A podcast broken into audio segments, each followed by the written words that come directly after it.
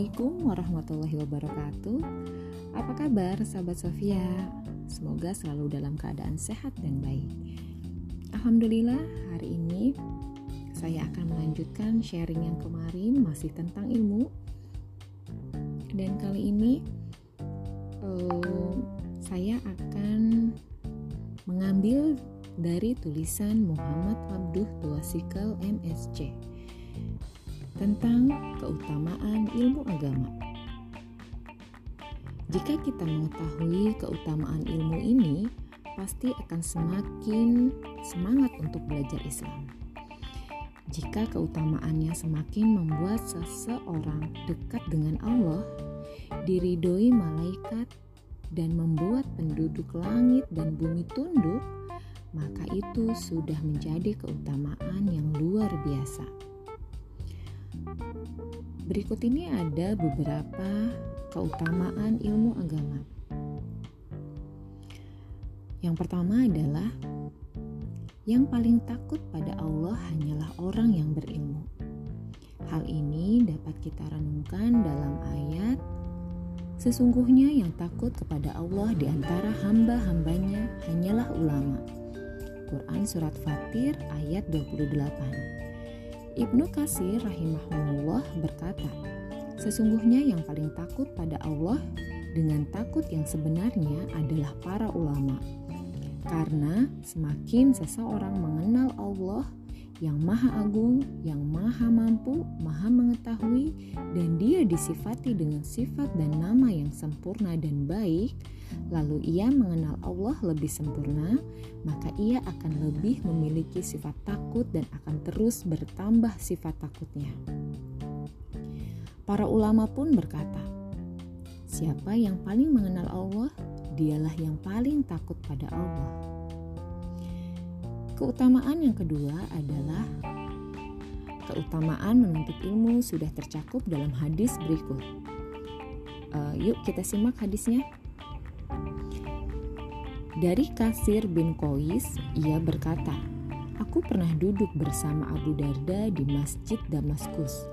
Lalu datang seorang pria yang lantas berkata, Wahai Abu Darda, wahai Abu Ad-Darda, aku sungguh mendatangi dari kota Rasulullah Madinah Nabawiyah karena ada suatu hadis yang telah sampai padaku di mana engkau yang yang meriwayatkannya dari Rasulullah Shallallahu Alaihi Wasallam.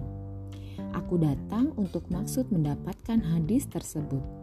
Abu Darda lantas berkata, Sesungguhnya aku pernah mendengar Nabi Shallallahu Alaihi Wasallam bersabda, Barang siapa menempuh jalan untuk mencari ilmu, maka Allah akan mudahkan baginya di antara jalan menuju surga.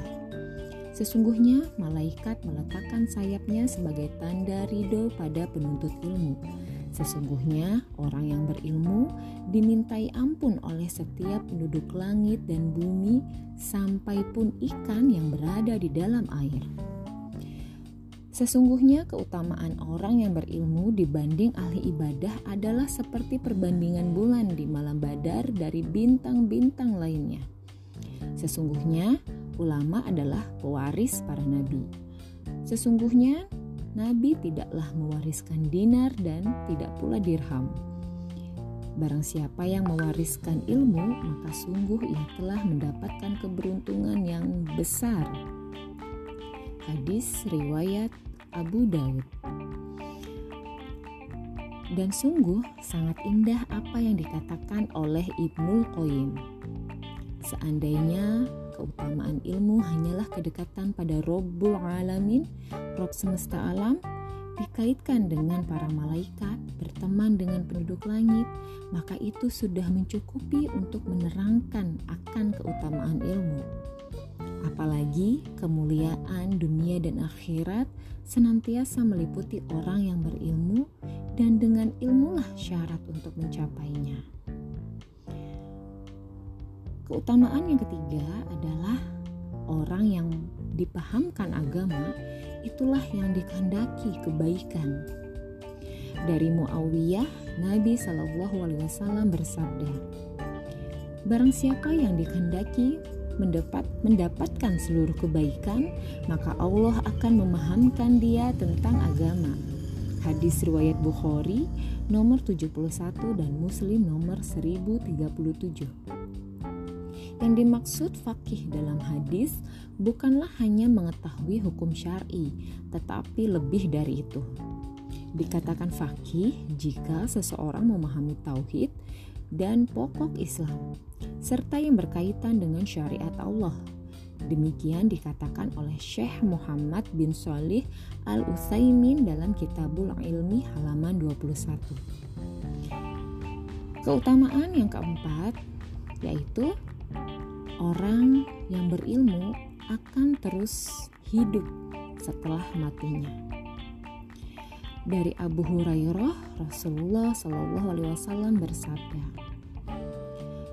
"Jika seorang manusia mati, maka terputuslah darinya amalnya kecuali dari tiga hal: dari sedekah jariah, atau ilmu yang diambil manfaatnya, atau anak solih yang mendoakannya." Hadis riwayat Muslim. Sedangkan keutamaan yang kelima adalah Ilmu menghidupkan hati sebagaimana hujan menyuburkan tanah. Dari Abu Musa, Nabi Shallallahu Alaihi Wasallam bersabda, Permisalan petunjuk dan ilmu yang Allah mengutusku dengannya adalah bagai hurois atau hujan yang bermanfaat yang mengenai tanah maka ada tanah yang baik yang bisa menyerap air sehingga menumbuhkan tumbuh-tumbuhan dan rerumputan yang banyak. Di antaranya juga ada tanah yang ajadib atau tanah yang bisa menampung air namun tidak bisa menyerap ke dalamnya. Maka dengan genangan air tersebut Allah memberi manfaat untuk banyak orang sehingga manusia dapat mengambil air minum dari tanah ini. Lalu manusia dapat memberi minum untuk hewan ternaknya, dan manusia dapat mengairi tanah pertaniannya. Jenis tanah ketiga adalah tanah qi'an atau tanah yang tidak bisa menampung dan tidak bisa menyerap air. Inilah permisalan orang yang memahami agama Allah. Bermanfaat baginya ajaran yang Allah mengutusku untuk membawanya dia mengetahui ajaran Allah dan dia mengajarkan kepada orang lain. Dan demikianlah orang yang tidak mengangkat kepalanya terhadap wahyu, dia tidak mau menerima petunjuk yang Allah mengutusku untuk membawanya. Hadis riwayat Muslim, hadis riwayat Bukhari dan Muslim. Bukhari membawakan hadis ini dalam kitab sohihnya pada bab orang yang berilmu dan mengajarkan ilmu. Sedangkan An-Nawawi membawakan hadis ini dalam Sohih Muslim pada bab permisalan petunjuk dan ilmu yang Allah mengutus Nabi Wasallam dengannya. Imam Nawawi rahimahumullah mengatakan, adapun makna hadis dan maksudnya di dalamnya terdapat permisalan bagi petunjuk Nabi Wasallam dengan al-ghois atau hujan yang bermanfaat. Juga terdapat kandungan dalam hadis ini bahwa tanah itu ada tiga macam. Begitu pula manusia. Jenis pertama adalah tanah yang bermanfaat dengan adanya hujan. Tanah tersebut menjadi hidup setelah sebelumnya mati. Lalu dia pun menumbuhkan tanaman Akhirnya manusia pun dapat memanfaatkannya. Begitu pula hewan ternak, tanaman lain yang dapat tumbuh di tanah tersebut. Begitu pula manusia jenis pertama. Dia mendapatkan petunjuk dan ilmu, dia pun menjaganya atau menghafalkannya. Kemudian hatinya menjadi hidup dia pun mengamalkan dan mengajarkan ilmu yang dia miliki pada orang lain. Akhirnya, ilmu tersebut bermanfaat, bermanfaat bagi dirinya juga bermanfaat bagi orang lain. Jenis kedua adalah tanah yang tidak mendatangkan manfaat bagi dirinya, namun bermanfaat bagi orang lain. Tanah ini menahan air sehingga dapat dimanfaatkan oleh yang lain manusia dan hewan ternak dapat mengambil manfaat darinya. Begitu pula manusia jenis kedua. Dia memiliki ingatan yang bagus, akan tetapi dia tidak memiliki pemahaman yang cerdas. Dia kurang bagus dalam menggali faidah dan hukum. Dia pun kurang dalam beristihad dalam ketaatan dan mengamalkannya. Manusia jenis ini memiliki banyak hafalan. Ketika orang lain yang membutuhkan, yang sangat haus terhadap ilmu, juga sangat ingin memberikan, memberi manfaat dan mengambil manfaat bagi dirinya, dia datang menghampiri manusia jenis ini. Maka dia pun mengambil ilmu dari manusia yang punya banyak hafalan tersebut. Orang lain meng, orang lain mendapatkan manfaat darinya sehingga dia tetap tetap dapat memberi manfaat pada orang lain.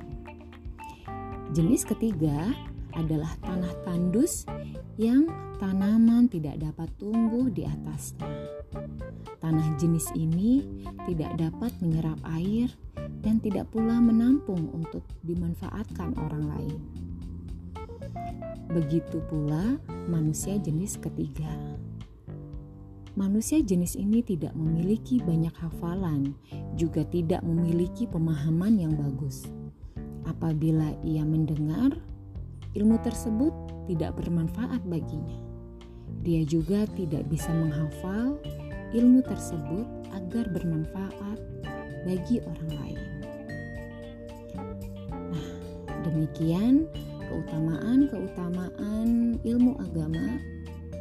Semoga bermanfaat untuk kita semua dan semoga kita menjadi orang-orang yang senantiasa mencari ilmu sebagai penuntut ilmu dan orang-orang yang Allah beri, beri hidayah agar kita selalu selalu belajar. Dan inilah yang Allah berikan kepada kita yang Allah anugerahkan kepada kita supaya kita tidak menjadi orang-orang yang merugi, orang-orang yang tidak mengambil ilmu. Orang-orang yang tidak mengambil ilmu adalah orang-orang yang merugi. Eh, jangan sampai kita menjadi orang-orang yang merugi. Karena ketika kita memiliki ilmu sebenarnya adalah untuk diri kita sendiri. Apalagi itu bisa juga bermanfaat untuk orang banyak.